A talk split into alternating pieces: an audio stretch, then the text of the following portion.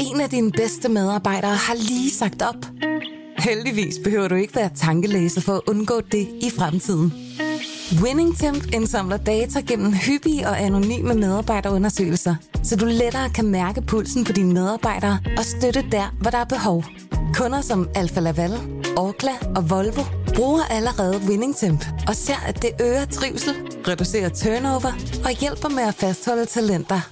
Få gratis gennemgang allerede i dag på winningtemp.com. Velkommen til Morgenposten. Berlingskes nyhedsoverblik.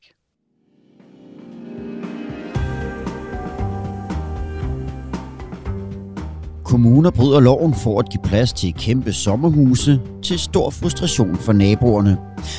Et flertal i Folketinget vil lave undervisningsmateriale om Mohammed-krisen til danske lærere. Kommunale vagtværn skal have mulighed for at stange bøder ud til folk, der smider skrald på gaden. Det er overskrifterne i denne udgave af Morgenposten, og den er redigeret og indtalt af mig, og jeg hedder Morten Olsen. Det er i dag søndag den 12. september.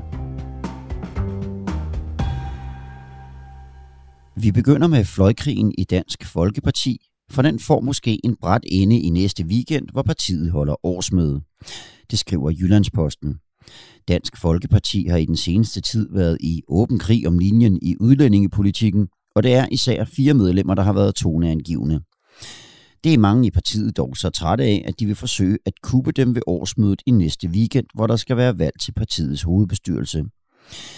Der er derfor flere, der har valgt at stille op som modkandidater til Martin Henriksen og Anders Vistisen, der har været bannerfører for hver deres fløj i fløjkrigen. I en sms til Jyllandsposten, der skriver partiets formand Christian Thulesen Dahl, at det er super fint, at så mange byder sig til.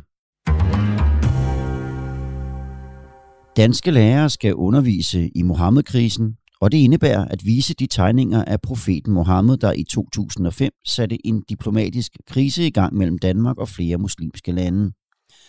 Det sagde SF's formand Pia Olsen Dyr på partiets landsmøde i går. SF vil helt konkret have Folketinget til at stå bag udarbejdelse af fælles undervisningsmateriale. Og så kan alle undervisere præsentere elever for Mohammed-tegninger i en kontekst, der er vedtaget af landets folkevalgte. Dermed tegner der sig et flertal udenom regeringen. Allerede i foråret fremsatte en række partier fra den blå fløj nemlig et lignende forslag. Det blev dengang stemt ned, men med SF stemmer vil der nu være et flertal. I det nye år får kommunerne mulighed for at oprette deres eget vagtværn, og i København kommer det formentlig til at betyde et korps, der kan hive bødeblokken frem, hvis folk kaster papir på gaden eller forstyrrer med for høj musik. Det skriver politikken. Kommunerne fik muligheden for at oprette vagtværn med sidste års politiforlig, og derfor sidder politikerne på landets rådhuse netop nu og beslutter, hvad de præcis skal lave. I Gentofte Kommuner har de planer om at sætte korpset ind imod indbrudstyve. Vi skal forstyrre og forhindre tyven i sit arbejde. Det kræver, at vi kan rykke hurtigt ud og være synlige til stede hos borgeren inden for 5 minutter. Det kan både være med droner eller med et vægterkorps, der kan køre med udrykning, siger borgmester Michael Finger til politikken.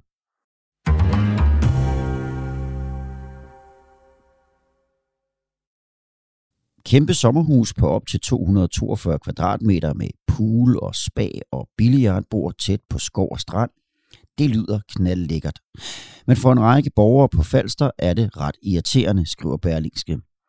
Her har virksomheden Scanlux fået tilladelse til at bygge 10 kæmpe sommerhuse på mellem 182 og 242 kvadratmeter. Og det selvom de lokale borgere har klaget over byggeriet.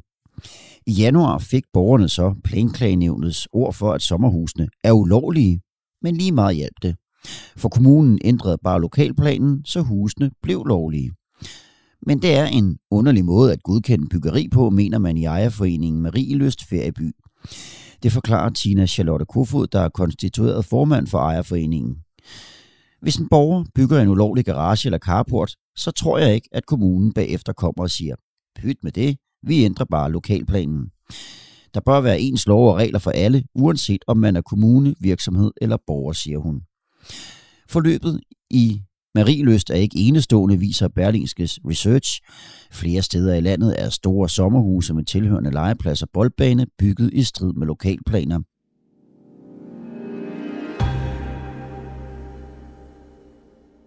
Det skæppede godt i statskassen op til weekenden, da danskerne susede ud af Vestmotorvejen tæt på Storebæltsbroen. Det skriver Fyns.dk. Hele 458 fartsyndere blev i løbet af blot 12 timer torsdag og fredag blitzet i politiets fartkontrol på strækningen, hvor man må køre 110 km i timen. Hver fartsønder har minimum fået en bøde på 1000 kroner, og to bilister kørte så stærkt, at bøden blev taxeret til 5.500 kroner. Samlet løber bøderne op i næsten en halv million kroner. De to hurtigste bilister kørte henholdsvis 167 og 168 km i timen. Og udover bøden, så kan de se frem til at skulle tage en ny køreprøve, hvis de vil beholde kørekortet. I går aftes fyldte det danske band Minds of 99 parken i København til bristepunktet. Men nok så interessant, så var koncerten ledsaget af et helt nyt tiltag imod corona. I fældeparken lige uden for stadion stod der en såkaldt pop-up-bod, hvor koncertgæster kunne blive vaccineret imod corona. Og det var der 51, der valgte at takke ja til, skriver TV2. Og det er meningen, at flere kulturbegivenheder skal have sin egen pop-up-bod med coronavacciner.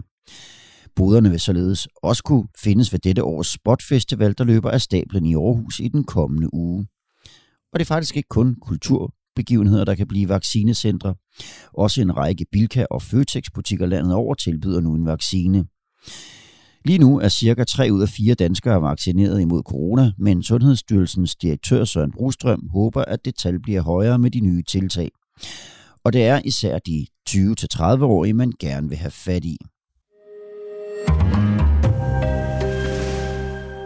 I dag snører tusindvis af danskere løbeskoene og deltager i Royal Run. Løbet bliver som altid løbet flere steder i landet af danskere i alle aldre. Og kronprinsparet er blandt de mange motionsglade danskere, der skal ud og have lidt sved på panden. Det var, hvad jeg havde valgt at tage med til jer i dag. Tak fordi du lyttede med til Berlingskes Morgenposten. Hvis du har mod på mere podcast, så er jeg tilbage igen i morgen tidlig. Ha' en rigtig god søndag.